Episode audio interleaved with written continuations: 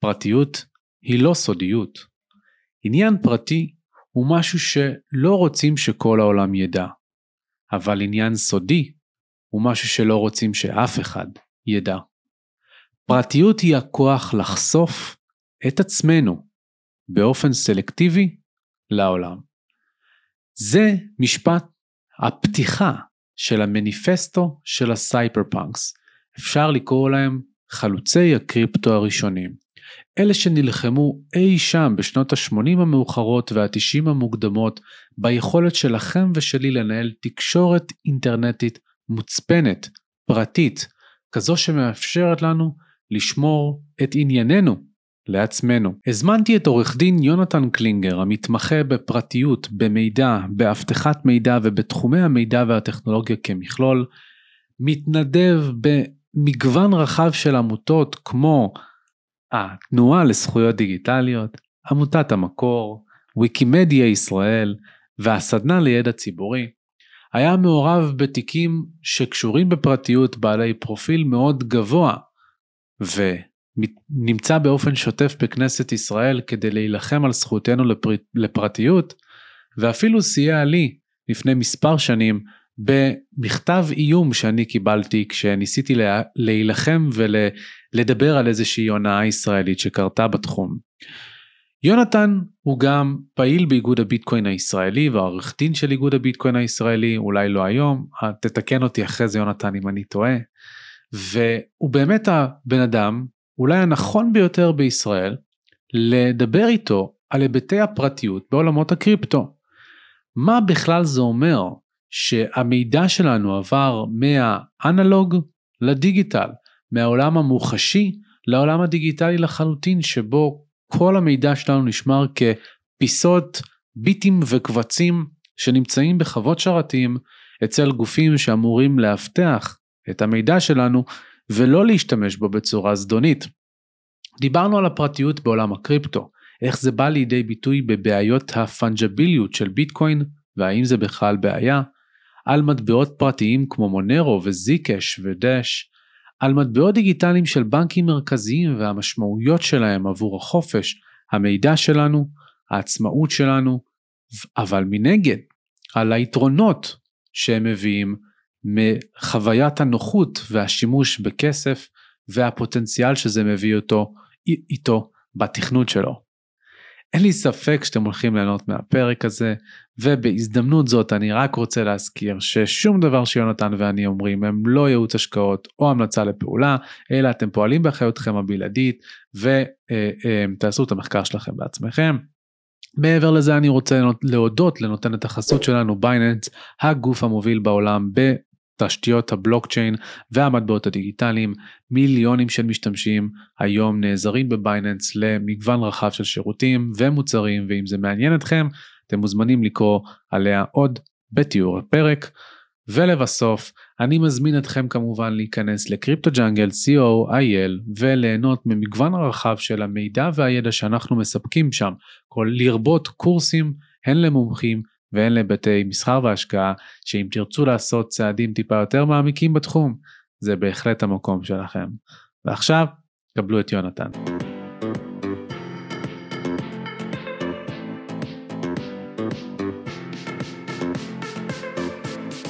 יונתן קלינגר, ברוכים הבאים לפודקאסט מדברים קריפטו, מה שלומך הבוקר? אני מעולה, תודה רבה שהזמנת אותי, זה כבוד לי. בכיף, בכיף גדול, הכבוד הוא כולו שלי.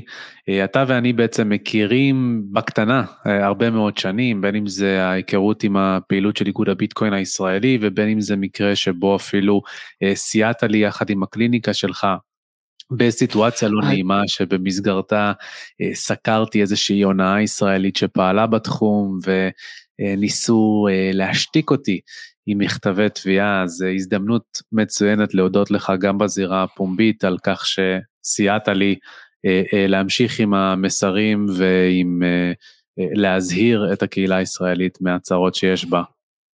אז זה לא רק לי, אני מתנדב בקליניקה של התנועה לזכויות דיגיטליות והקריאה האקדמית אונו, שבה אנחנו מסייעים פרו בונו לאנשים שנתבעים בגין הפעילות הציבורית שלהם, שזה יכול להיות החל מכתיבה של בלוג, דרך uh, כתיבה של חוות דעת uh, על עסק מסוים באינטרנט, ועד אפילו uh, פעילות פוליטית, והקמנו את הכל בגלל אירוע מאוד מפורסם של עינב גנט גלילי, שהעבירה הרצאה במסגרת איגוד האינטרנט, הרצאה שהיו בה לא מעט שגיאות, קבוצה של 30 פעילים שכתבו ביקורת על אותה הרצאה, נתבעו על הפעילות שלהם. עכשיו, היא עשתה צעד מאוד חכם והיא אמרה, במקום לאיים על כל אחד בסכום אסטרונומי של מיליון שקל, בוא נעשה את הטריק הכי נכון בספר. נגיש נגד כל אחד תביעה על עשרת אלפים שקל, זה לא בדיוק נכון, חלק קיבלו תביעה גם על שלושים,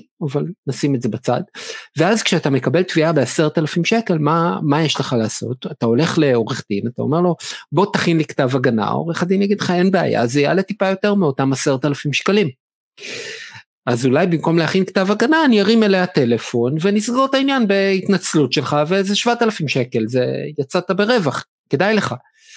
מה שהיא לא ציפתה זה שאותם 26 נתבעים יתאגדו יחד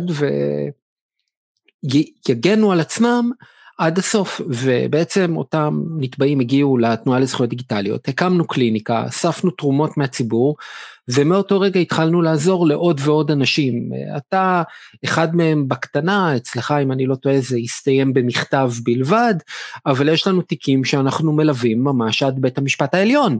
אה, תיקים שאנשים נתבעים במיליון שקל ואנחנו רצים איתם לבתי משפט ומנהלים את כל ההליך. אה, עכשיו בשביל להקליט את הפודקאסט איתך השארתי את הסטודנטים בהשגחה עם סטודנט אחר.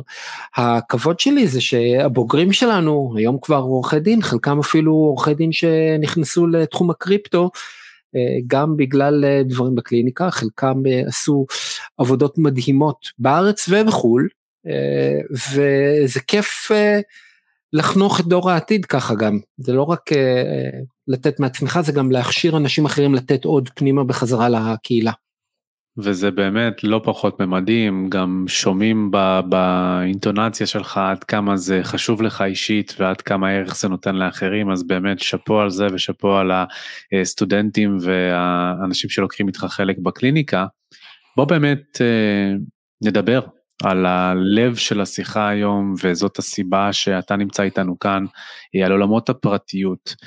אנחנו רגילים היום שאנשים צופים באח הגדול ובהישרדות ובכל הריאליטי, וכל מה שאנחנו רואים זה איך נכנסים לאנשים לתוך האם-אימא של החיים האישיים שלהם, מה שנקרא, וזה עושה סוג של נורמליזציה ללמה זה בסדר שעוקפים אחרינו כל הזמן. אז ספר קצת מי זה יונתן קלינגר, מה, למה דווקא הפרטיות משכה אותך, ומה הרקע שלך לפני ואפילו תוך כדי עולמות הקריפטו. אז בעצם אני התחלתי אה, בתור סטודנט למשפטים בתחילת שנות האלפיים, אה, בדיוק שים לב המשבר בטק, כל התעשייה הזאת קורסת, אני עובד עסק משפחתי של אה, ייעוץ שמלווים מכרזי טק גדולים בעולם, ובתקופה הזאת אתה, אתה רואה שני דברים.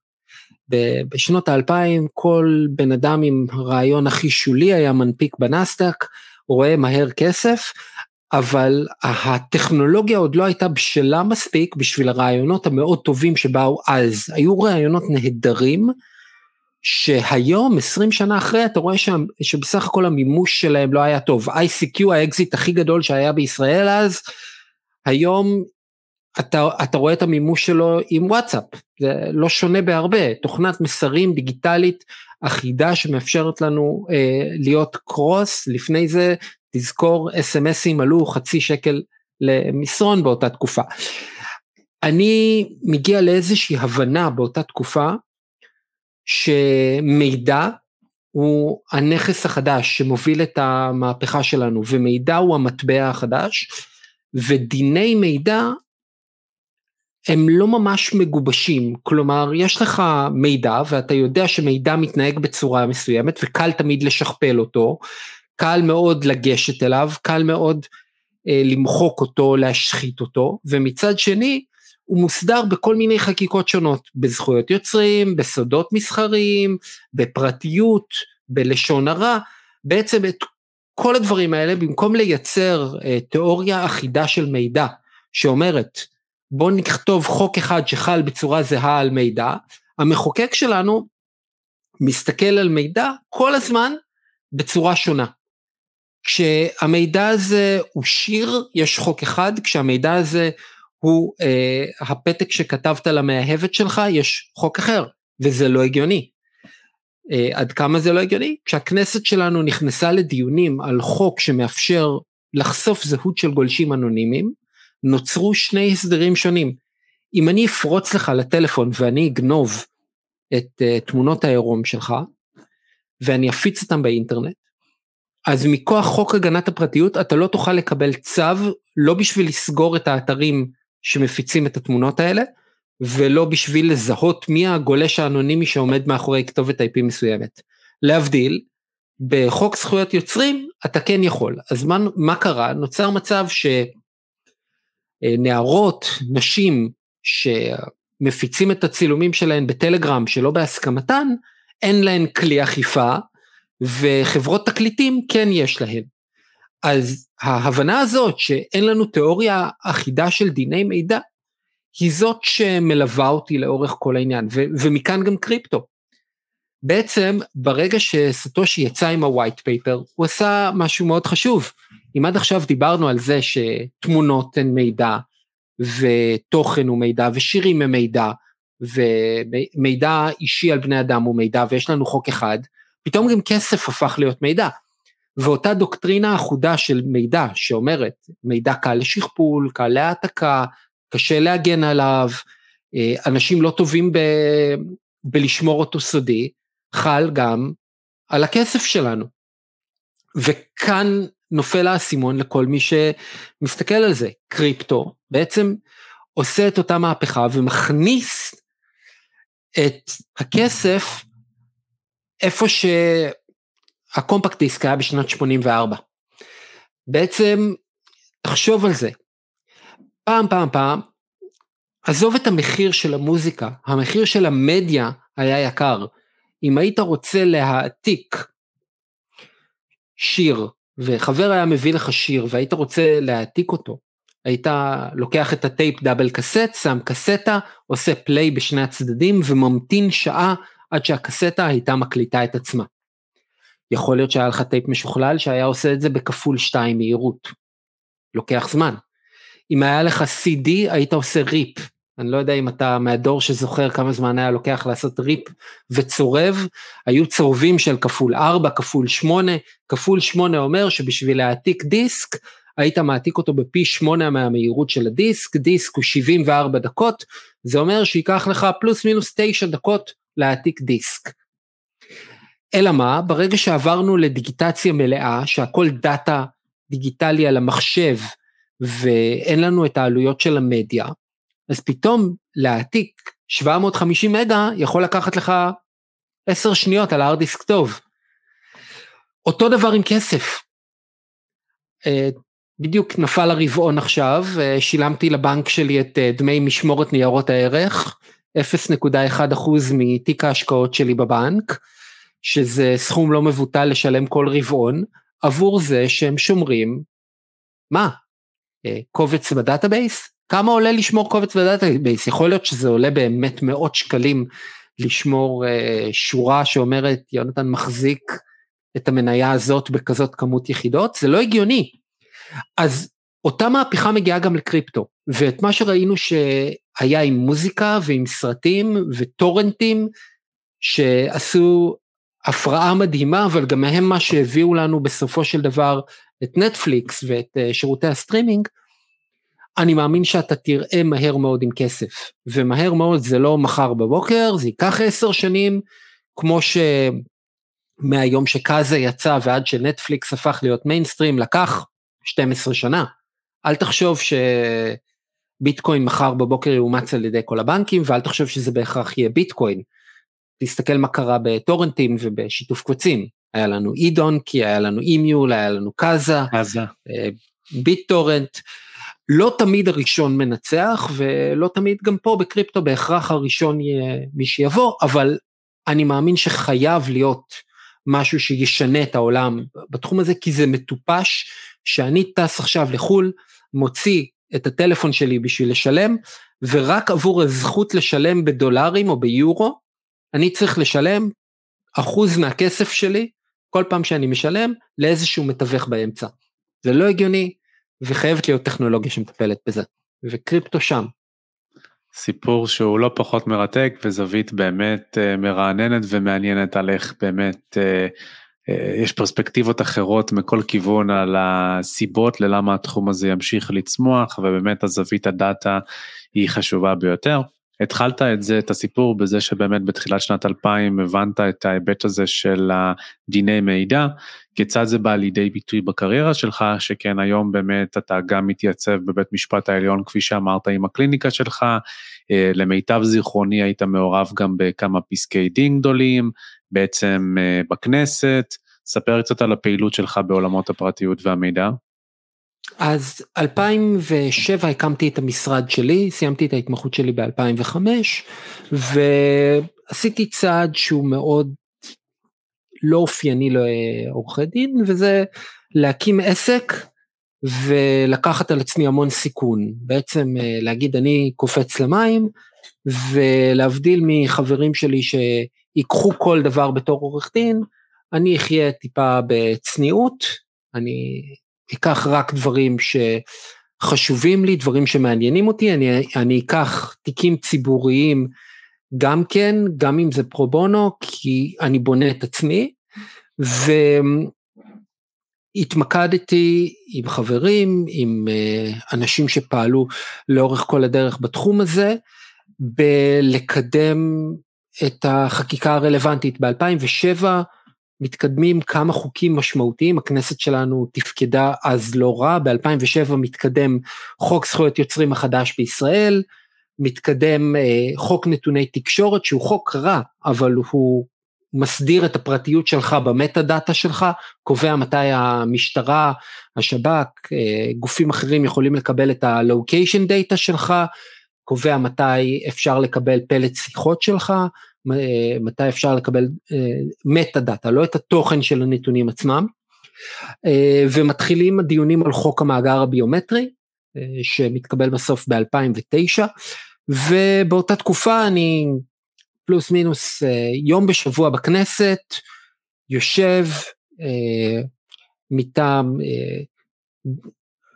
קבוצה לא מגובשת של אנשים שעוד לא התגבשה להיות התנועה לזכויות דיגיטליות, אבל אחר כך כן זה, אה, התגבשה כקבוצה להיות עמותה בשם התנועה לזכויות דיגיטליות. בקבוצה הזאת אנחנו מקדמים אג'נדה שאומרת, אנחנו יודעים את זה שמידע תמיד זורם בצורה מסוימת, אנחנו יודעים שצריך להגן עליו בצורה מסוימת, אנחנו הולכים לכיוון של עולם שבו המידע שולט ונפטרים מהניירת, אנחנו חייבים לתת למחוקק שלנו את הכלים. אנחנו לא אומרים שפרטיות היא זכות מוחלטת ומקודשת ובשביל הזכות לפרטיות צריך להיפטר מכל דבר אחר. אנחנו אומרים שהמחוקק שלנו הרבה פעמים בא עם תובנות של עולם ישן וצריך לתרגם לו את ההשלכות של מה שקורה. ולכן אנחנו מלווים את הקידום חקיקה שלנו עם אה, רציונלים כאלה שאומרים, תסתכלו, בישראל יש לנו בסופו של דבר תעשיית הון סיכון, תעשיית טק, שצריכה גב מהמחוקק. ואם החוקים שאתם תעבירו לא יהיו טובים לתעשייה פה, אז לא יהיה לנו את הקטר שממשיך לגרום לישראל להיות מה שהיא. ולדוגמה בחוק זכויות יוצרים בישראל,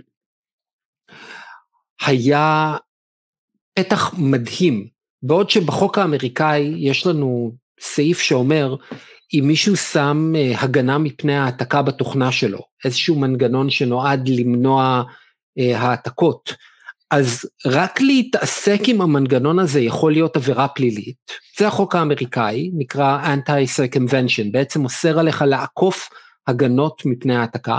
בישראל החוק אומר מותר לך להתעסק עם אה, מנגנוני אבטחה ולהעתיק תוכנות, לייצר להם גיבוי לצורכי אבטחה, מותר לך לעשות שינויים בתוכנה, גם אם המתכנת לא הרשה לך, כדי להתאים אותן בין מערכות, לעשות אינטגרציה. אז השינויים האלה הם שינויים שמאפשרים לנו שתהיה לנו פה תעשיית סייבר, כי אם, אם אנחנו היינו בעולם שיש בו את אותן חקיקות כמו בארצות הברית, אז חוקרי הסייבר שלנו לא היו מרגישים מספיק בטוחים. אז ככה אנחנו מתקדמים לאט לאט, אה, חוק המאגר הביומטרי בעצם יושבים אה, ומקדמים חקיקה שפעם ראשונה בישראל מגדירה אה, בסופו של דבר את המידע האישי היחיד שלנו שלא ניתן להחליף לא משנה מה, כי את מספר הטלפון שלך מול ספקית הסלולר אתה יכול להחליף, אתה יכול לקנות אה, כרטיס prepaid, אתה יכול להשתמש בסים חו"ל, יש מלא מעקפים, יש להם כסף. את טביעות האצבע שלך אתה לא יכול להחליף, ואת צילום הפנים שלך אתה לא יכול להחליף, אתה משאיר אותם בכל מקום. ופה נוצר מאגר פעם ראשונה שלא משנה מה, אם הוא ידלוף, או אם יש לו שימוש לרעה, יש נזק בלתי הפיך. כפי שקרה ו... בהודו. בהודו זאת לא הייתה בדיוק דליפה, בהודו אם אני לא טועה זה היה API פתוח, זה טיפה יותר גרוע מדליפה. אה, וזה יקרה במאגרים אחרים גם בישראל. אז ככה אנחנו מגיעים לעולמות של פרטיות. פרטיות היא, היא בעצם, כמו שאמרתי, אותו מקרה של מידע, אותו משחק שבו יש לנו מצד אחד יוזביליות ומצד שני יש לנו את הרצון האישי שלנו. ואם אתה מסתכל על פרטיות במשקפת שלי, אתה מבין שפרטיות היא הרבה יותר מהזכות של אני לא רוצה שיראו תמונות עירום שלי. פרטיות היא מפתח לכיס שלך. אם אני יודע עליך מידע, ברוב המקרים אני יודע לגרום לך לקנות יותר דברים. וזה השימוש האמיתי שאנשים רוצים במידע, אנשים רוצים שאתה תקנה יותר, שתירשם למועדון, כדי שהם יוכלו לאסוף מידע, כדי לפלח דברים, ובמקרה כזה צריך לעשות את האיזון ואת ההסכמה. נניח אתה, לא יודע בכמה מועדונים אתה חבר, אבל אם הייתי שואל אותך, כמה כסף היית מוכן לשלם כל חודש עבור טוויטר, אני לא יודע כמה היית עונה לי. אבל אני יודע כמה דולר. טוויטר... לא, זה טוויטר בלו. אני יודע מהדוחות הכספיים הקודמים של טוויטר כמה אתה שווה להם כל חודש בגלל מפרסמים. עכשיו, היום שהיא פרטית כנראה שלא, אבל בפייסבוק זה עדיין ציבורי, אתה יודע. וטוויטר בחיים לא היו מוכנים לתת לך לשלם את הסכום הזה כדי לא להיחשף לפרסומות בכלל. למה? כי הערך שלך עולה ועולה ועולה ככל שהם אוספים יותר דאטה. ואתה רואה את זה בקופות, בסופר, לקוח שהוא חבר מועדון קונה בסוף ביותר. ואם אתה מסתכל על הפרטיות כעל שומר הסף שלנו בכיס, ולא בתמונות עירום, אתה מבין שהמשחק פה הוא משחק אחר לגמרי. הוא משחק על הרצון החופשי שלך. כי כמו שאני משכנע אותך לקנות אבקת כביסה, אני יכול לשכנע אותך להצביע בבחירות, או לא להגיע להצביע, וזה מה שקרה ב-2016 בארצות הברית.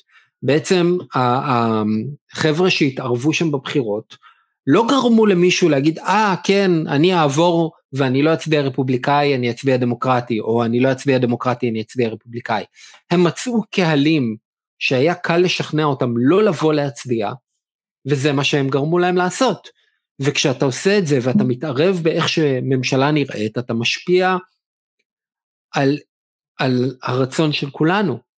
ו, זה עולמות הפרטיות, ו- ואת זה אפשר לשנות בשתי דרכים. הראשונה, שאני עושה, לשבת עם הקורפורטים ולעזור להם לאפיין את המדיניות שלהם. אני בא לתאגיד שקונה ממני שירותי ייעוץ, אני יושב איתו, אני מכין לו את ה-privacy policy, אני אומר לו, תקשיב, את המידע הזה אני יודע שבא לך לשמור כי כולם שומרים, אבל בוא נעשה ניתוח, נראה אם שווה לך לשמור אותו כן או לא. בכיוון השני של אקטיביזם, אנחנו יושבים, ושוב, אני לא רואה את התאגידים כאויבים שלי, אני רואה את הרגולטור כמי שלא מגן עליי מספיק, אז אנחנו יושבים מול הרגולטור, רגולטור יקר, אולי תעשה את השינויים הבאים בחוקים. כי אני לא יכול לבוא לתאגיד ולהגיד לו, אתה שבסך הכל רוצה להרוויח כסף, אל תעשה משהו שחוקי לעשות, נכון? כן. אני יכול לבוא לא ולהגיד... זה באמת לא פחות ממדהים ומבורך. עוד דקה, אנחנו חוזרים. אני רוצה לתת לכם הצצה לאחד מהדברים שאני הכי נהנה לעשות בשנה האחרונה. מסלול בלוקצ'יין אקספרט. קורס ייחודי וממוקד עם הסמכה רשמית של הלשכה לטכנולוגיות המידע בישראל שיהפוך אתכם למומחים בטכנולוגיית הבלוקצ'יין. מאחורינו כבר כמה מחזורים, יותר מ-100 משתתפים, ביניהם רואי חשבון, עורכי דין, סוכנים, יועצים, בכירים בתעשייה המסורתית ובתעשיית הקריפטו, וכולם באו ללמוד מהמרצים המומחים ביותר בתעשייה. הבלוקצ'יין הוא אחד מהתחומים הלוהטים ביותר בעולמות הפיננסים והטכנולוגיה, ולמרות התקופה המאתגרת שהשוק הזה עובר, החברות והתאגידים הגדולים בעולם, כמו בנק לאומי, ויזה, פייפל, ג'יי פי מורגן, מבינות שהטכנולוגיה כאן כדי להישאר, מגייסות עובדים ומפתחות מוצרים במרץ. אבל העובדים האלה צריכים ידע והכשרה מקצועית, וזה בדיוק מה שאנחנו מספקים. אם אתם רוצים לקדם את הקריירה והעסקים שלכם ולהיות בחזית של עולם הטכנולוגיה והתעסוקה של המחר, זאת ההזדמנות שלכם. שריינו את מקומכם במחזור הבא של בלוקצ'יין אקספרט. כל מה שאתם צריכים לעשות זה להשאיר שם וטלפון בקישור למטה, ואנחנו נדאג לשאר.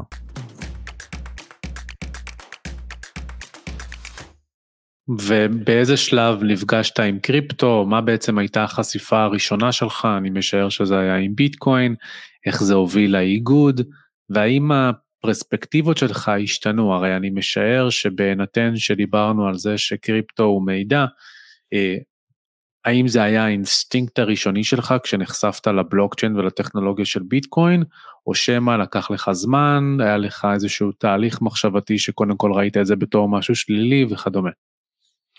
אז אני נחשפתי לקריפטו, אני חושב איפשהו ב-2011, אה, גם מכל ה-threadים ברדיט שהיו ומכתיבות בפורומים, אה, קראתי, אני חושב שהפעם הראשונה שכתבתי בבלוג שלי על אה, ביטקוין הייתה אחרי אחת הפריצות לאחת הבורסות הראשונות, גם באותה תקופה, 2011, ומשהו באזור הזה. התנסיתי קצת בתחילת 2013, עם אה, להתקין ארנקים, אה, להריץ תוכנה, להריץ על המחשב שלי, ללמוד, ויעצתי כבר, אני חושב שבין לבין כבר יעצתי לחברות שהתחילו לעבוד בתחום. אה, ובאותה תקופה זה לא רק היה ביטקוין, זה לא רק היה, זה, היו הרבה מאוד רעיונות למטבעות דיגיטליים, אני לא בהכרח אגיד קריפטוגרפיים, באותה תקופה, אה, שאלות מאוד מעניינות של איך מייצרים את זה, איך עושים את זה נכון. ב... אני חושב שסוף 2012, תחילת 2013, יכול להיות שאני טועה, רון ומני אה, באו, אמרו, אה, אנחנו רוצים להתחיל להקים את האיגוד, אמרתי, מטרה נהדרת, אני איתכם, אני עוזר, הם אנשים נפלאים, מקסימים. רון גרוס ומני רוזנפלד. ומני רוזנפלד, אנשים כאלה מדהימים, כאלה נפלאים, קשה לראות אנשים כאלה אלטרואיסטים, שבאים עם, עם מטרות כאלה נפלאות ונותנים כל כך הרבה, גם מהזמן שלהם וגם מהיכולות שלהם, אנשים ש... אתה יודע, היו יכולים אה, במקום להקים את האיגוד, אה, לעשות לביתם אה, בצורה מדהימה. אין לי שמץ של מושג איך הם מצאו את הכוח הנפשי לקחת את כל זה עליהם. ובעצם באותה תקופה, אני מזכיר לך, סוף 2013, הבולרן הראשון, ביטקוין עולה בחודש מ-70 דולר לכמעט אלף דולר, ובום הוא נופל בחודש בהתחלה ל-500 ואז ל-250 ואז הוא יורד אם אני לא טועה כמעט ל-150 דולר ואנחנו נכנסים לחורף קריפטו שהתחיל ב-2014 ובאותו רגע התעשייה מתחילה לפרוח. כלומר, אנשים אחרים רואים את זה ואומרים אוי אוי אוי הביטקוין התרסק ל-150 דולר ואני מסתכל ואני אומר תראו כמה סטארט-אפים חדשים קמים לנו בישראל בתחום הזה, ופתאום קמים הרבה מאוד גופים שיש להם רעיונות נהדרים לשימוש בטכנולוגיה, ועצם העובדה שהמטבע כל כך זול, ו, אה, מאפשר להם לפתח את הטכנולוגיות האלה ו, ולהשתמש בהן. ואתה יודע, 2013 אני חושב ביטס אוף גולד כבר היו, B2C כבר היו, 2014 יצאו עם הכספומטים, שגם תחשוב איזה טכנולוגיה זאת אה, וכמה עבודה יש מאחורי זה, נראה לנו היום כל כך אינטואיטיבי, באים, מראים את הטלפון, מכניסים ניירות צבעוניים, מקבלים ביטקוין, זה, זה לא כל כך אה, טריוויאלי. אה, להקים exchange לא כל כך טריוויאלי, ועזוב את הרגולציה בצד, כי, כי עם רגולציה אפשר עוד להסתדר. ויש פריחה בישראל, פריחה טובה, היא מביאה אנשים טובים, היא מביאה מקומות עבודה, היא מביאה המון עניין בתחום, ואנחנו רואים לאורך כל התקופה הזאת יותר ויותר אנשים נכנסים לקריפטו, ואז מגיע 2017, ועוד פעם המטבע מגיע לאלף, חושב שזה היה בדיוק ינואר 2017, הייתה מסיבת האלף בשגרירות ביטקוין, אמ, המטבע עולה לאלף וכולם שמחים וחזרנו ל-all time high שהיה קודם ושרדנו את הפריצה של גוקס וזה לקח רק שלוש שנים להתאושש בחורף הזה. ו-2017 מגיעה ומגיע מצד אחד עלייה מטורפת בקריפטו, מצד שני מלא, מלא ICOים ופתאום ICO הופך להיות הדבר החם ו- וכשהמטבע עולה ככה אז ברור לך שתהיה עוד פעם בעיה. ו-2017 פתאום הייתה שנה מסוכנת לקריפטו, כי הרבה אנשים איבדו את הכסף שלהם, הרבה אנשים אה, קנו, קנו, קנו, ואז בדצמבר 2017, בום, יורדים עוד פעם ל-3,000 דולר, ואז מה? אני זוכר, אני, אני ישבתי עם אה, לקוח ב... אני חושב שזה היה נובמבר? לא, לא זוכר בדיוק. אה, אמר זה ככה, אמרתי תקשיב היום זה, אני חושב זה היה 17, זה יכול לרדת לשלושת אלפים, אל, אל תחשוב שזה לא ירד. ואנשים גייסו כסף ועשו ICOים והכל היה מדהים, ועוד פעם התפוצצה הבועה. ועוד פעם נכנסנו לחורף, ואז מה? פתאום אה, אנשים אומרים זהו, ביטקוין מת, התעשייה מתה, ו- ואני מסתכל ובאמת נסגרו כל מיני סטארט-אפים שנפתחו בגל הזה וכנראה לא, לא הצליחו לממש את הפוטנציאל כי שוב כי ביטקוין הוא, הוא, הוא לא משהו קל להבין הוא עדיין לא מיינסטרים גם היום ואנשים עדיין משתמשים בו כמטבע ספקולטיבי ולא כאמצעי ואנחנו רואים בעצם שכל הגלים האלה באים 2017 חורף נוראי אנשים נכנסים למשבר ואז מגיע קוביד ופתאום עוד פעם אנחנו עולים. ואז מה? לא ציפיתם שזה יבוא עוד פעם? אז היה לנו הייפ ראשון הייפ, הייפ ראשון של ביטקוין הייפ שני של אמ, ICO-ים הייפ שלישי אפשר לקרוא לו ההייפ של המטאוורס ו-NFT או שצריך לקרוא לו כן, בשם אחר? DeFi ו-NFT. DeFi, אוקיי. כל האנשים האלה שחשבו שהם יכולים לשים כסף בהלוואה ב-18% לשנה, וזה יהיה בטוח. ובסדר, הוצאנו קצת אוויר מהבועה.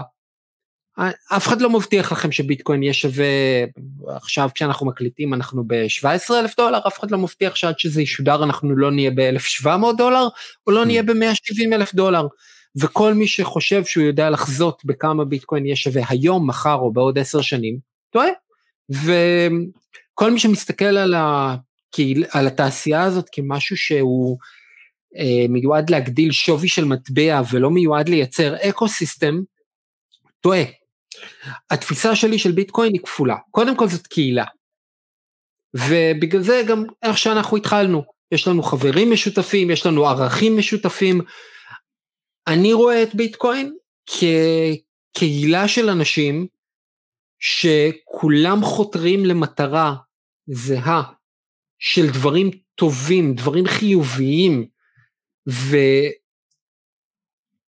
ויודעים גם לבעוט החוצה מהקהילה אנשים שהם שחקנים רעים, ויודעים לזהות אותם ולא לשתף אותם בפעילויות, וזה הדבר הראשון והכי חשוב. ו- ולכן, בגלל שאנחנו כזאת קהילה, אנחנו גם לא נדפוק אחד את השני.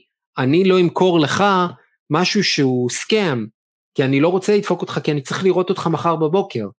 אז שחקנים כאלה שבאים לייצר מוניטין, מייצרים ערך מה, מקיומה של הקהילה. ואז אם יש לנו קהילה, לא אכפת לי אם המטבע הזה שווה מיליון שקל או שקל. אני משתמש במטבע הזה בשביל לקנות ביצים בסופר, אז זה לא אכפת לי כמה מהמטבע הזה יש לי היום, אכפת לי שהוא פשוט שכיר.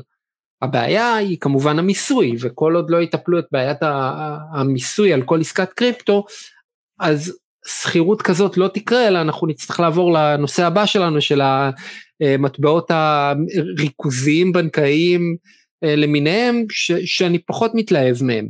כן. אבל אם, אם תסתכל על זה כקהילה, בתור קהילה, הקהילה במיוחד בישראל, היא, היא קהילה נהדרת, היא, היא קהילה שעוזרת לאנשים, יש שגרירות, אנשים פעם ראשונה שמעו על ביטקוין, מגיעים, יושבים שם סתם אנשים מתנדבים, עוזרים להם, פותחים להם ארנק, מתקינים להם אפליקציה על הטלפון, מלמדים אותם איך לאבטח, לא מרוויחים מזה שקל. אתה, אתה יודע, אנשים, אנשים לוקחים את השגרירות כמובן מאליו, לא מבינים איך דבר כזה לא. קורה. לא מבינים איך, איך יש מקום בנדלן הכי יקר בתל אביב, שאנשים פשוט mm. יושבים בשביל לעזור לך. מה, מה קרה שם? לגמרי לא מובן מאליו ולגמרי אחד מהערכים היותר אה, אה, באמת אה, מעוררים גאווה בתחום, השאיפה הזאת להגיע לכסף מבוזר ולמשמעויות שמביאות אותו, שבאמת הביטקוינרים היותר אדוקים, אלה גם שיושבים בשגרירות, מבינים את המשמעויות של זה עבור החברה כמכלול ולא רק עבור הערך של הביטקוין שהם מעדלים, ובגלל זה הם נמצאים שם ויושבים. אה, אה, ראוי פה להזכיר את אה, שמואל, זיכרונו לברכה, שבאמת היה משכמו ומעלה ויושב יום יום בשגרירות ומלווה אנשים, ובאמת זו הזדמנות מצוינת להודות לחבר'ה שיושבים גם בשגרירות וגם באיגוד, ומזיזים את האקוסיסטם קדימה ועוזרים לאנשים. אגב, הקלטנו פרק גם עם ניר הירשמן, שבו הוא תיאר את הפעילות של האיגוד יותר לעומק ודברים שנעשו לאורך השנים, אז אתם מוזמנים למצוא אותו בתיאור הפרק. בוא נקפוץ קדימה יונתן לתוך עולמות הפרטיות. בסופו של דבר כשאני באופן אישי ורבים כמוני חוקרים גם את ביטקוין, תמיד הפרטיות של ביטקוין, ה-fungibility, אה, היא עולה בתור בעיה מסוימת בפרוטוקול, בעיה שעשויה להיפתר באמצעות שכבות שניות, שלישיות וכדומה. אני אשמח שתתאר את בעיית הפנג'ביליות של ביטקוין ומה דעתך לגביה. אז בוא נתחיל, אתה משתמש במילה בעיה, אני אומר זה פיצ'ר. מי שכתב את ביטקוין תכנן את זה ככה, הוא, הוא, הוא אמר הכסף צריך להיות שקוף. עכשיו, לשקיפות הזאת יש יתרון עצום. למה? כי אם אנחנו רוצים לדעת מתי משחדים פוליטיקאים וכולם ישתמשו בביטקוין, אנחנו נדע מתי משחדים פוליטיקאים. מצד שני, אם לך יש עסק ואתה לא רוצה שהמתחרים שלך ידעו כמה הרווחת, אז ביטקוין, בהנחה שהארנק שלך הוא פומבי, זאת כנראה לא הדרך הכי טובה לקבל תשלומים בלעדית בעסק. אני אשמח שתיתן הסבר קצר לטובת המאזינים שלא יודעים מה זה fungibility. לגמרי. אז בוא, בוא נתחיל באיך ביטקוין עובד ואז נסביר למה, מה זה fungibility ומאיפה זה בא. ביטקוין בעצם עובד בצורה הכי פשוטה, יש פנקס, כשאני מעביר לך כסף, כל אחד מה-nodeים, מהאנשים שמריצים צמתים של ביטקוין, שומע אותי צועק, אני שולח לבן ביטקוין אחד, רושם ביומן שלו, אחד ביטקוין יצא מהארנק של יהונתן, הגיע לארנק של בן. ואז כשאתה תרצה לשלם, גם רושמים את זה ברשומות שם. למה זה כל כך חשוב? זה כל כך חשוב כדי למנוע מצב שאני משלם בכסף שאין לי, או שאני משלם לשני אנשים. הבעיה היא שלכל מטבע יש בעצם מספר מזהה ייחודי, שזה אומר שאפשר ללכת אחורה ולראות, אני שילמתי לך ואתה שילמת על פלאפל למטה בחנות, הפלאפל הזה הלך לטמבוריה ממול, קנה צבע, והבעלים של הטמבוריה קנה גראס. אוקיי? עבר על החוק.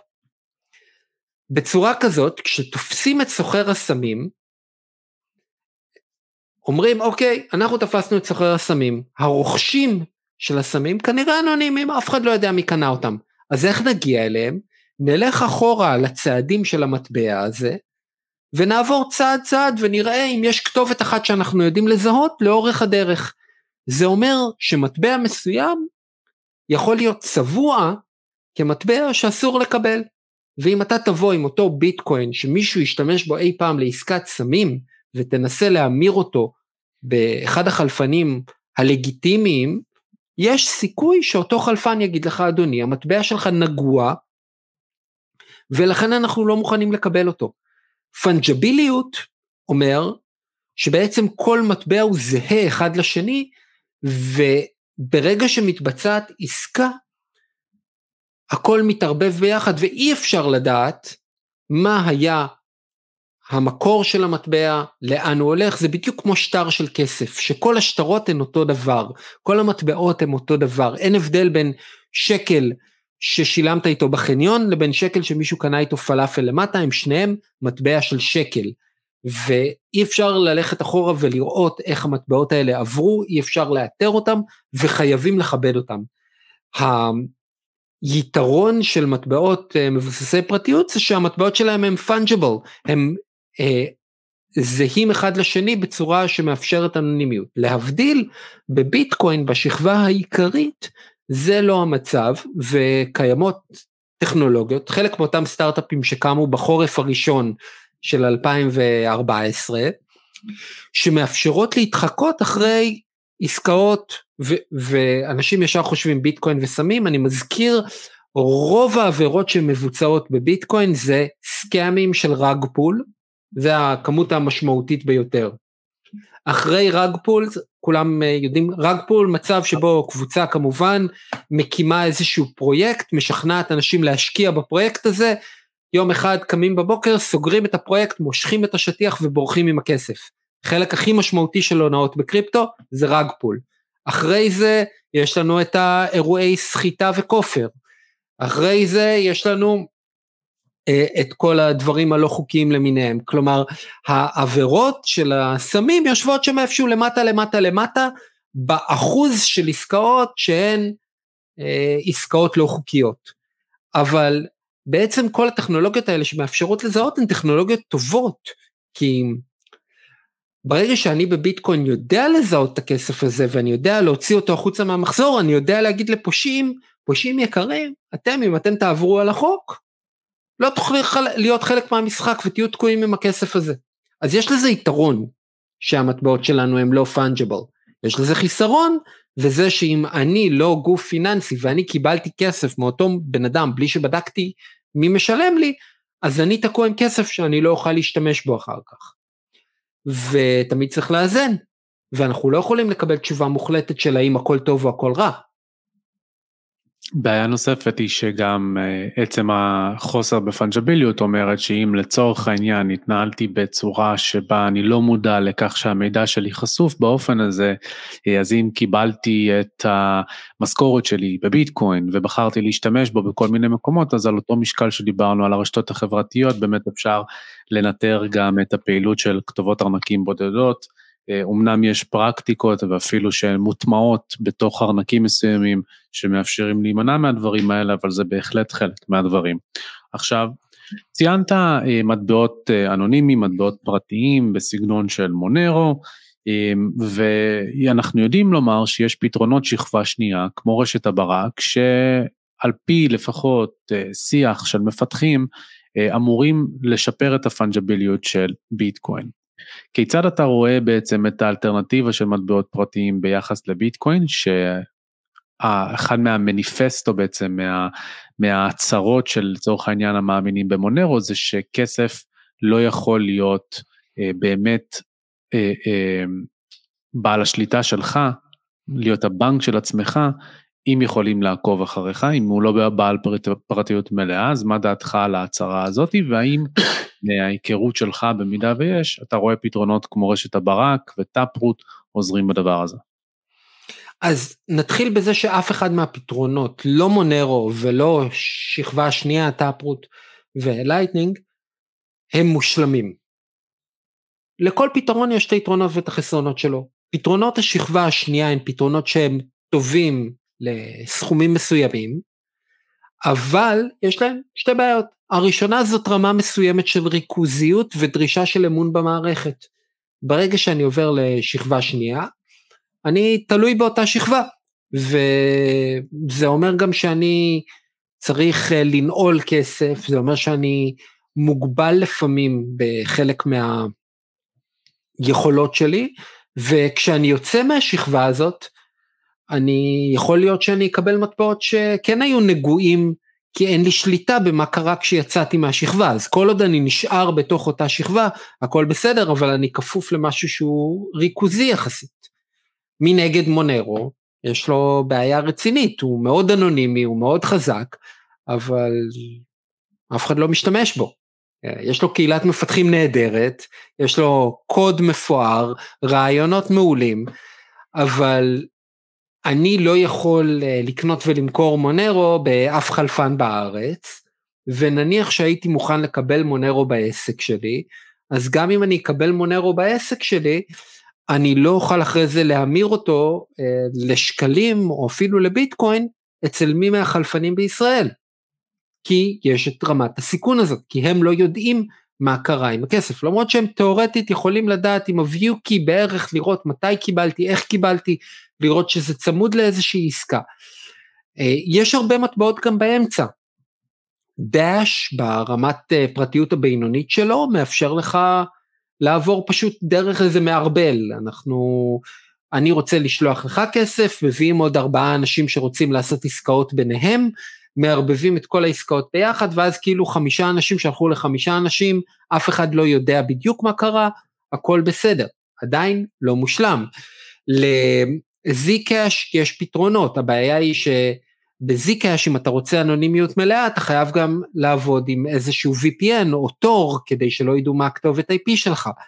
כלומר, אתה יכול לבחור את רמת הפרטיות שאתה רוצה ולפי זה לבחור מטבע, אבל זה כמו להגיד, אני אקנה בגדים רק בחנות מסוימת כי היא מקבלת נקודות של אה, ישראכרט, ויש לי מלא נקודות של ישראכרט, אז אתה... אה, מגביל את עצמך. תוכל, להשתמ... אתה תוכל לשלם בנקודות, אבל אתה לא תהיה לבוש בסגנון שרצית. אז אם אני אקים עסק ואני אגיד אני מקבל רק מונרו, לא יהיו לי לקוחות. אה, אם אני אגיד אני מקבל רק שכבה שנייה של ביטקוין, יכול להיות שיהיו לי יותר לקוחות, אבל גם אז לא בהכרח הרבה. אז אתה צריך להסתכל על מה יש, ומה שיש לנו היום זה ביטקוין. ויש קהילה מפוארת, יש הרבה עסקים שמכבדים, יש הרבה חברות שיושבות לקבל תשלומים, אז עדיף לעשות את זה גם אם רמת הפרטיות היא לא טובה כמו מונרו, כי אנחנו מנסים לקדם אג'נדה מסוימת. לגמרי.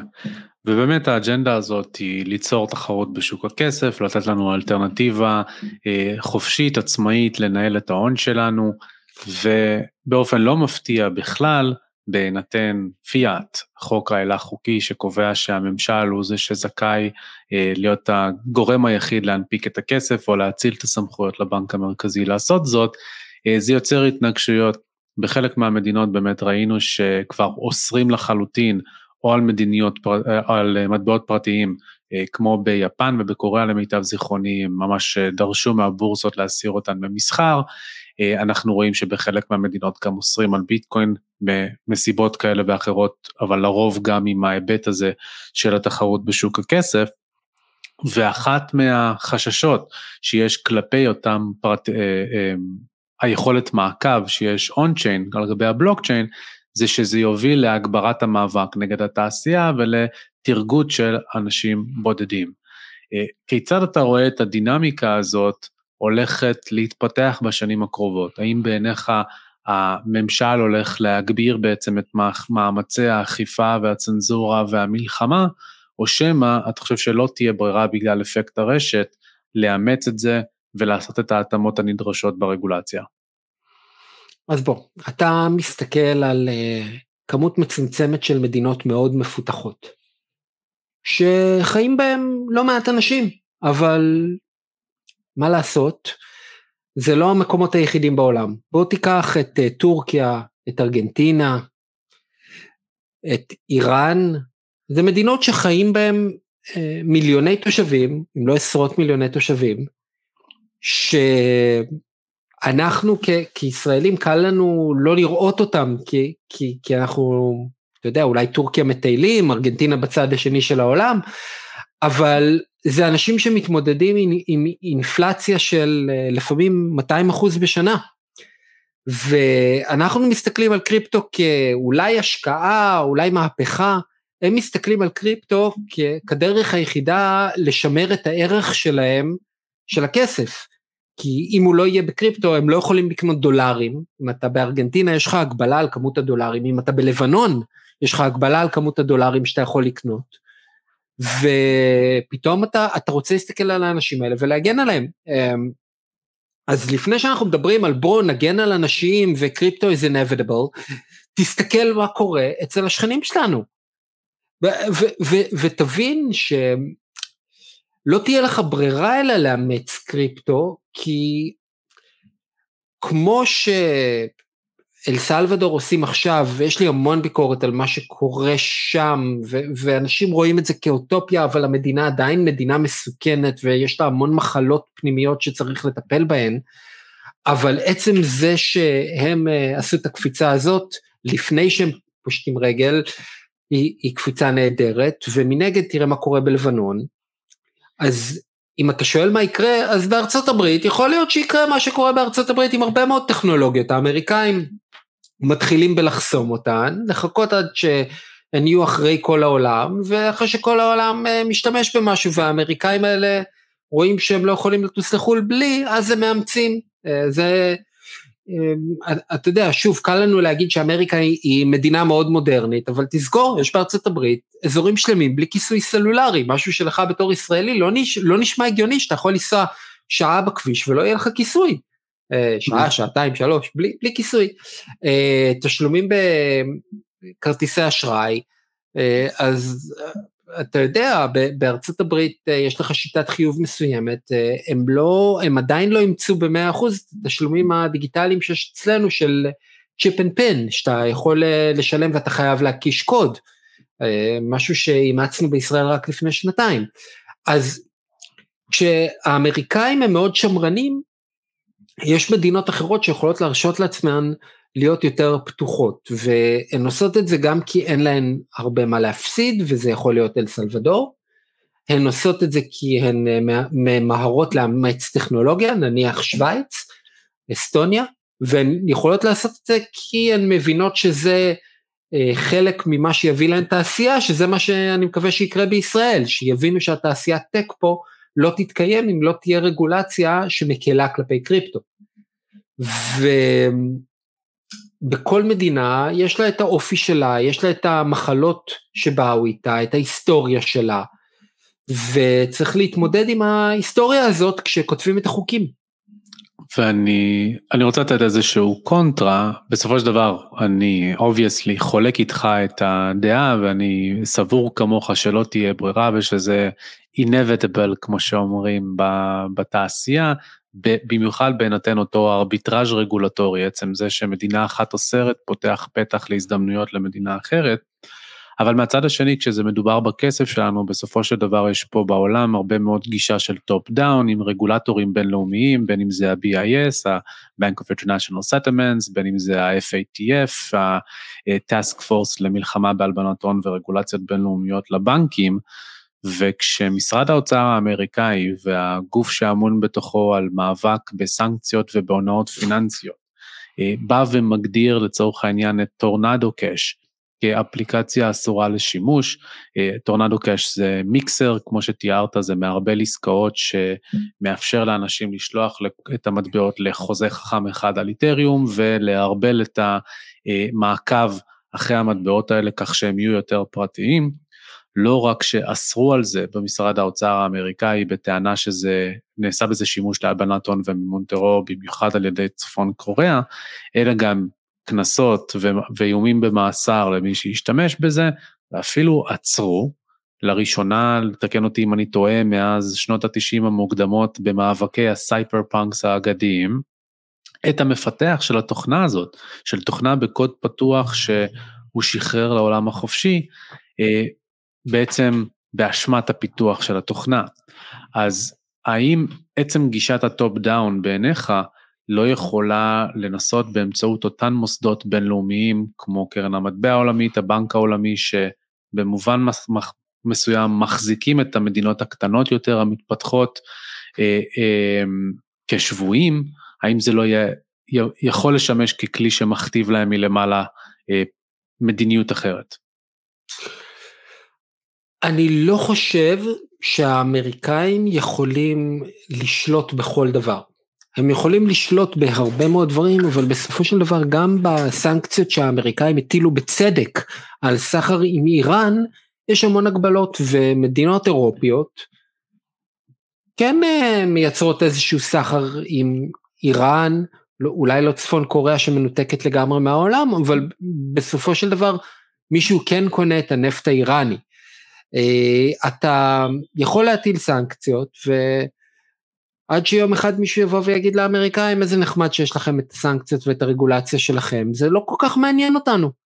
למה זה לא מעניין אותנו? כי אנחנו צריכים בסופו של דבר אורז בשביל לאכול, ואם אה, לא נוכל להשתמש במונרו, כי כל החקלאים משתמשים רק במונרו ומוכנים לקבל רק מונרו, אז אה, הם, אה, לא, הם לא, לא יוכלו לעמוד מול זה.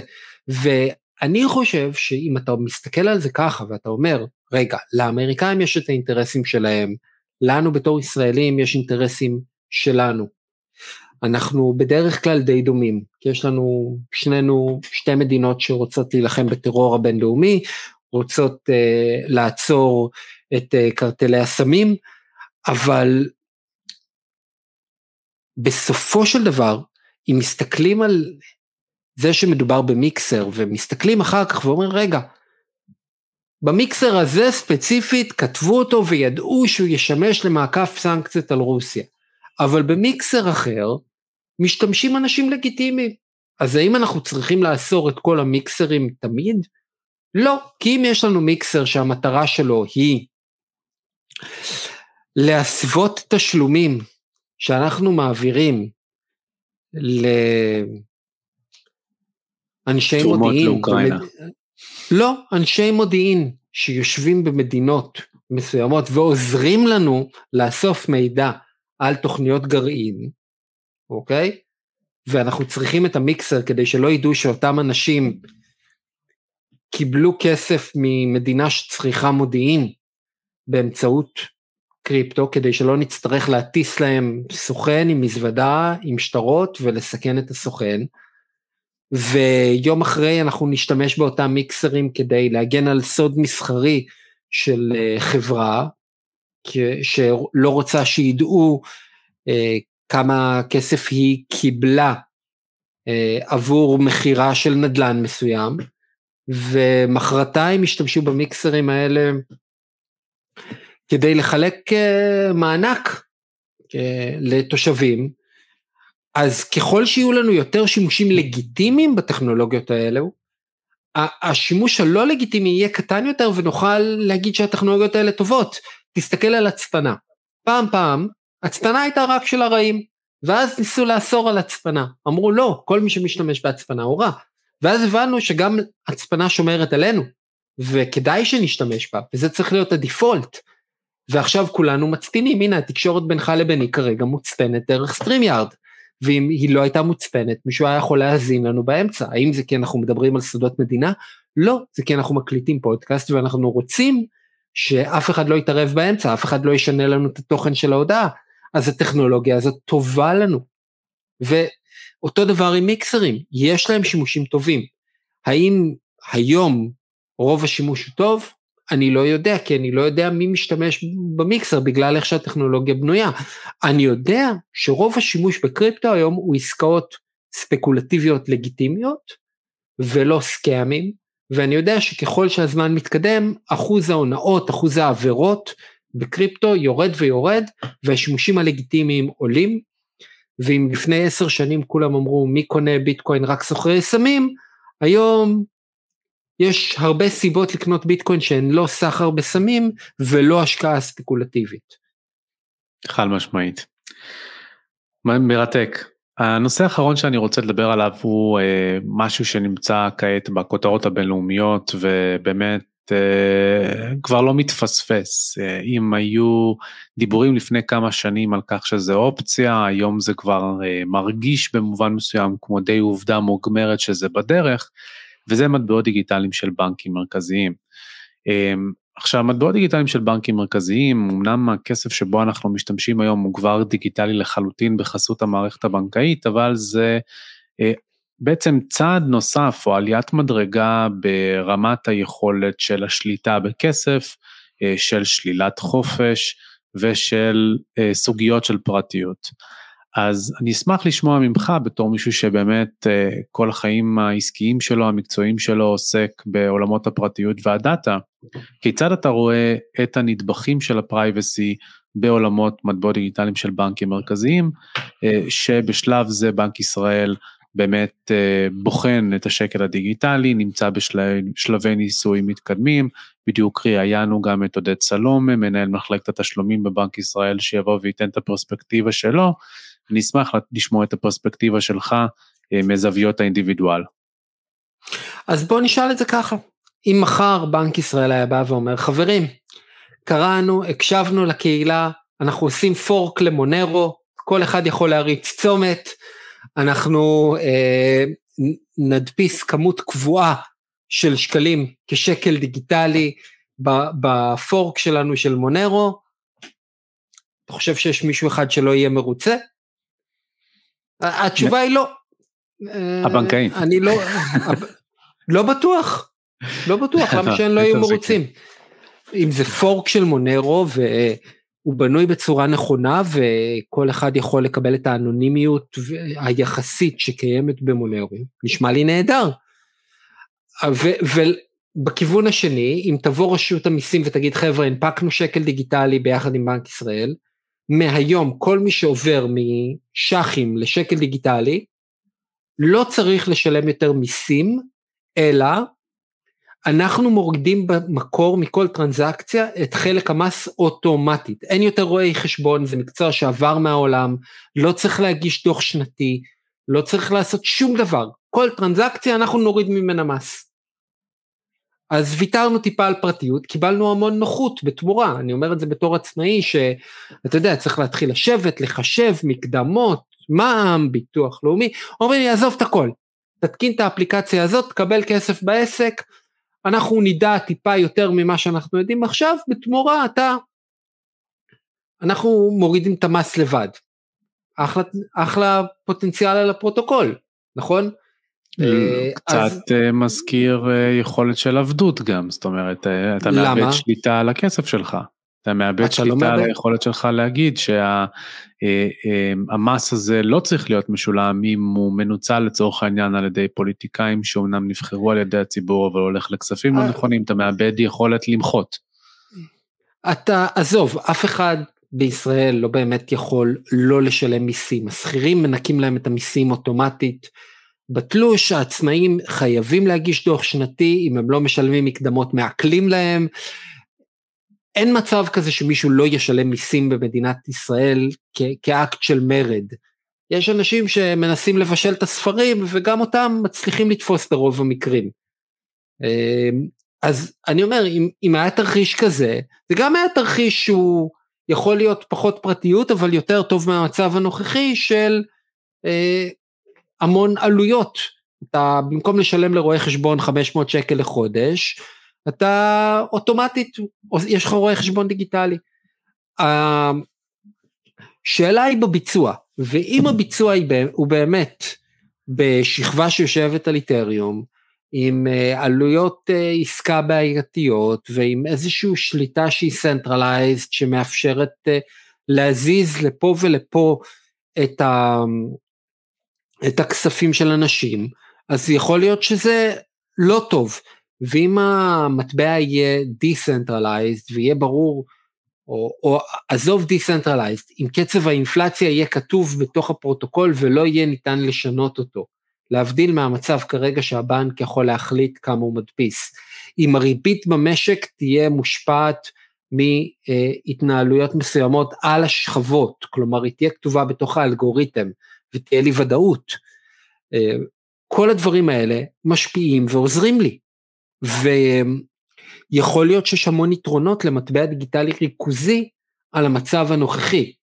האם לביטקוין יש יותר יתרונות? כנראה שכן.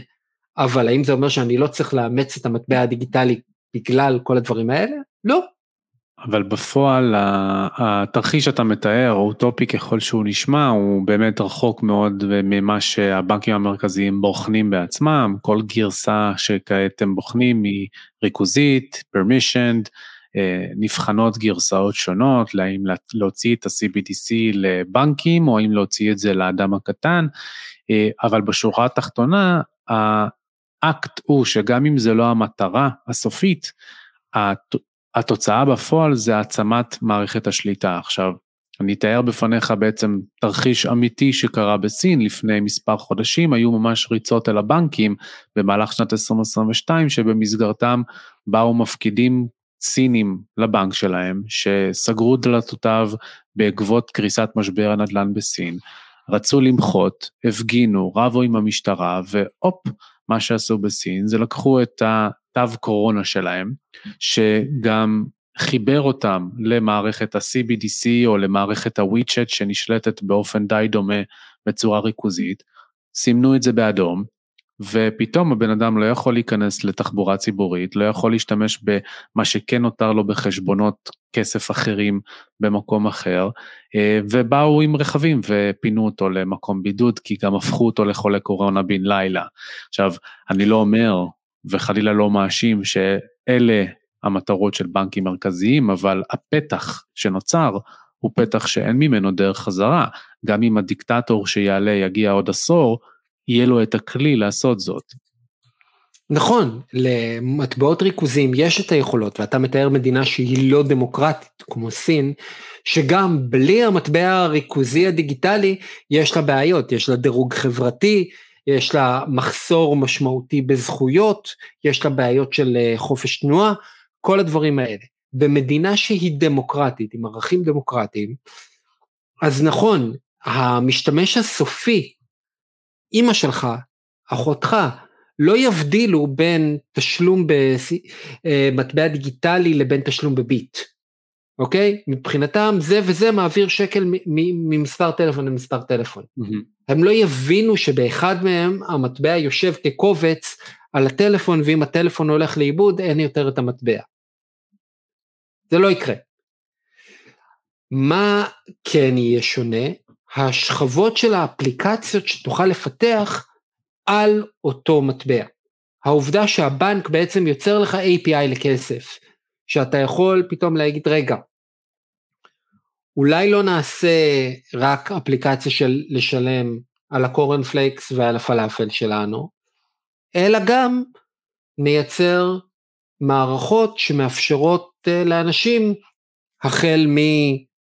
להשקיע את הכסף שלהם, דרך לשמור עליו יותר טוב, דרך, אה, אתה יודע, אין לי ספק לחלק אותו אחרי שהם מתים, אה, כל החוזים החכמים שאפשר לכתוב על. המון המון יתרונות. אבל אני בכוונה אה, מכוון לעבר החסרונות, כי ציינת לצורך העניין את המערכת הדירוג החברתית שיש בסין, אה, ועל פניו, וכפי שמסתמן כרגע גם בשיח, גם בטרמינולוגיה, מדברים על carbon credits, בעצם אה, ממש לפני חודשיים, אם אני זוכר נכון, התקיים כנס של ה-G20 במצרים שעוסק באקלים, ומדברים שם על הכנסה של carbon credits, שזה אומר שיתחילו לעקוב אחרי עסקאות של אינדיבידואלים, כדי להבין כמה אנרגיה העסקה שהם מבצעים, ולפי זה לתת איזשהו דירוג לפעולות שלהם. קנית אה, חמישה המבורגרים בחודש, היי, אז לא תוכל לתדלק. אה, כי תדלקת ונסעת לאילת, אז לא תוכל לטוס לחו"ל. בעצם מתחילים להשתמש בכסף, בחסות חוקי האקלים, כאמצעי שיוצר כמעט אותו דבר כמו מערכת דירוג חברתית. אז בקונטקסט של CBDC שמסתנכרן עם הדבר הזה ובלחיצת כפתור אפשר לכבות לך את ההון, אה, אה, או להגביל אותך בצורה כזאת שבה באמת לא תוכל להשתמש בכסף אם אתה צרכן בזבזן אנרגיה, אה, האם אתה לא רואה בזה בתור משהו שהוא אקט שפוגע בצורה משמעותית בפרטיות ומשהו שגם אולי צריך לעלות כחלק מהמדיניות שלכם בתנועה לזכויות הדיגיטליות? אז אתה לוקח מקרה מאוד קיצוני. ובשביל שמקרה כזה יתממש צריכים לקרות הרבה דברים בדרך. הדבר הראשון שצריך לקרות שלא כל כך בטוח שיקרה זה שממשלה שהיא גוף מאוד מסואב ומאוד ריכוזי תצליח להרים תשתית טכנולוגית לתשלומים דיגיטליים שאשכרה תעבוד. ואם תסתכל על פרויקטים ממשלתיים אחרים, לפעמים זה נס שיש לך מים בברז, תסתכל על הרכבת הקלה, מתכננים אותה משנות ה-50, עוד אין רכבת. עכשיו התשתית של הרכבת הקלה היא לא פחות מסובכת מהתשתית של המטבעות הדיגיטליים המדינתיים, ובשביל להרים מערכת של ארנקים דיגיטליים שתעבוד בכל מסוף, בכל עסק, אצל כל אדם, אתה צריך הרבה עבודה. וכמה שאתה תעשה אותה יותר מסובכת ויותר פולשנית לפרטיות, ככה גם יהיה לך אימוץ פחות מהר של הטכנולוגיה, וגם יותר סיבוכיות לכתוב אותה. להבדיל ממצב שאתה אומר, טוב בוא נעשה פורק למונרו, אני יכול לעשות לו דיפלוי בתוך שבוע, כל מה שאני צריך לעשות זה להשיק ארנקים סלולריים למונרו ולהחליף להם את האייקון, כי הכל בקוד פתוח. ולכן אני אומר, אני לא, מח... אני לא מאמין שיש איזה בן אדם מרושע למעלה שאומר, אני אעקוב אחרי כל התושבים כל הזמן ואעשה להם רע. אני חושב שמי שיושב בבנק ומנסה לפתח את המטבעות הדיגיטליים המדינתיים, בא לפתור בעיה.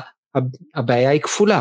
ברגע שיש לך מטבעות דיגיטליים, אין יותר את כל העבריינים שמוכרים כסף מזויף בטלגרם, ויש כאלה, אל תשכח. אין לך בעיות של קבלה של כסף מזויף בעסקים, בעיה שקיימת, גם בישראל, אנחנו פותרים אותה. אין לך את העלויות של להדפיס כסף, לשנע כסף, זה משפיע מאוד על המחיר של הכסף. ואנחנו רוצים קודם כל לפתור את הבעיות האלה. אם אפשר לפתור את הבעיות האלה ועל הדרך להגביר את הפרטיות שלנו, אני אלחם על זה. אם יש מחיר קטן לפרטיות והתועלת לחברה היא תועלת גדולה, אולי שווה לוותר על הפרטיות במקרים האלה. ואם המחיר של הפרטיות יהיה גבוה מדי, או שיפותחו כלים שעוזרים לעשות פרטיות, כמו לצורך העניין, אנשים שיפתחו מטבע שהוא אחד לאחד המטבע הישראלי, יושב על שכבה שנייה, עם כניסה ויציאה, מה, מה יקרה? אוקיי? אתה תעשה שקל דיגיטלי משל עצמך. היו כמה ניסיונות, אם אני לא טועה, היה ישראקוין, 2014, נכון? כן. ואפשר לעשות את זה. אל תחשוב ש... הפתרון הממשלתי הוא הפתרון היחיד, יכול להיות שהשוק ייתן פתרון יותר טוב. ותסתכל על המהירות שאפליקציות תשלומים רגילות, לא, לא decentralized, מצליחות להשתלט בישראל. בישראל יש לנו שוק מאוד ריכוזי של אפליקציות תשלומים. אה, ביט שולט ביד רמה בתשלומי P2P, גוגל פיי ואפל פיי שולטים בתשלומים הסלולריים בעסקים. ואתה תראה הרבה יותר התנגדות לשקל הדיגיטלי מצד הגופים האלה להערכתי, מאשר מצד אה, גופים כמוני שאכפת להם מפרטיות, ואני מאמין שהפתרון יהיה בסוף פרוטוקול פתוח, שכולם יוכלו לעבוד איתו. האם זה משהו שאתם עוקבים אחריו בפעילות שלכם? כרגע בתנועה אנחנו עם משאבים מאוד מוגבלים, יש לנו מעט מאוד מתנדבים ואנחנו עם תקציב יחסית נמוך. אני מעריך שאם וכשיהיו דיונים אנחנו נחליט אם אנחנו מקצים שם את המשאבים או לא והכל תלוי ב... אם יהיו לנו אנשים שיוכלו או לא יוכלו להתמודד עם זה ויש גבול לזמן הפרו בונו של כל אחד מאיתנו. לחלוטין ואני מקווה באמת שהמאזינים של הפרק אה, ייקחו זאת גם כן לתשומת ליבם ואולי יראו נכון אה, אה, לפרגן גם הם עבור העבודת קודש שאתם עושים בתנועה. יונתן, למי שרוצה לעקוב אחרי התכנים שלך, הדברים שאתה מעלה, הפעילות של התנועה שלך, שלך איפה אפשר למצוא אותך? ביקשת המון דברים, מי שרוצה לעקוב אחריי שיעמוד מחוץ לבית שלי ויראה מתי אני יוצא מהבית לטיולים עם הכלבה, לא כזה נעים, אני הולך גם מאוד מהר אז קשה. מי שרוצה לקרוא קצת את הגיגים שלי יכול לראות אותי בטוויטר, at ג'ון קלינגר, או לעקוב בטלגרם אחרי הגיגים שלי ב-t.me/jklinger. Uh, התנועה הכי קל זה בפטריון שלנו, patreon.com/idrm, ושם גם לשים כמה שקלים, וגם uh, יש לינקים לכל המדיות שלנו, ואנחנו נשמח מאוד uh, אם תשימו כמה שקלים, כל שקל עוזר uh, בעיקר למנהלות של העמותה, בשביל להחזיק את העמותה הזאת בחיים, כדי שנוכל להמשיך לעזור לאנשים אחרים uh, בפעילויות, וכשהכנסת תחזור לתפקד ככנסת, נוכל גם uh, לעשות קצת uh, רגולציה ועבודת לובי לכיוון הנכון. מדהים. Uh, זהו. אנחנו כמובן נדאג שהלינקים יופיעו גם בתיאור הפרק כדי שתוכלו לגשת לזה בצורה ישירה. יונתן, תודה רבה רבה על הזמן שלך, מעריך מאוד את השיחה. תודה לכם שהזמנתם אותי שוב. אם כבר נשארתם איתנו עד עכשיו, איזה כיף לנו, נשמח שתדרגו אותנו באפליקציות השונות כדי שנוכל להגיע לכמה שיותר אנשים, כמובן שתשתפו את הפרק עם חברים, משפחה וכדומה. ואם אתם מעוניינים להמשיך ללמוד על עולמות הבלוקצ'יין והמטבעות הדיגיטליים וכיצד הם נוגעים בכם, בעסק שלכם, בקריירה שלכם וכמובן בעתיד הכלכלה והכסף, אני מזמין אתכם להיכנס ל-cryptojungle.co.il לקבל את כלל המידע מהמדריכים החינמיים ועד הקורסים המלאים והמקיפים וה... גדולים ביותר שתוכלו למצוא בארץ, המעמיקים ביותר, אז חבל שתפספסו. נתראה בפרק הבא.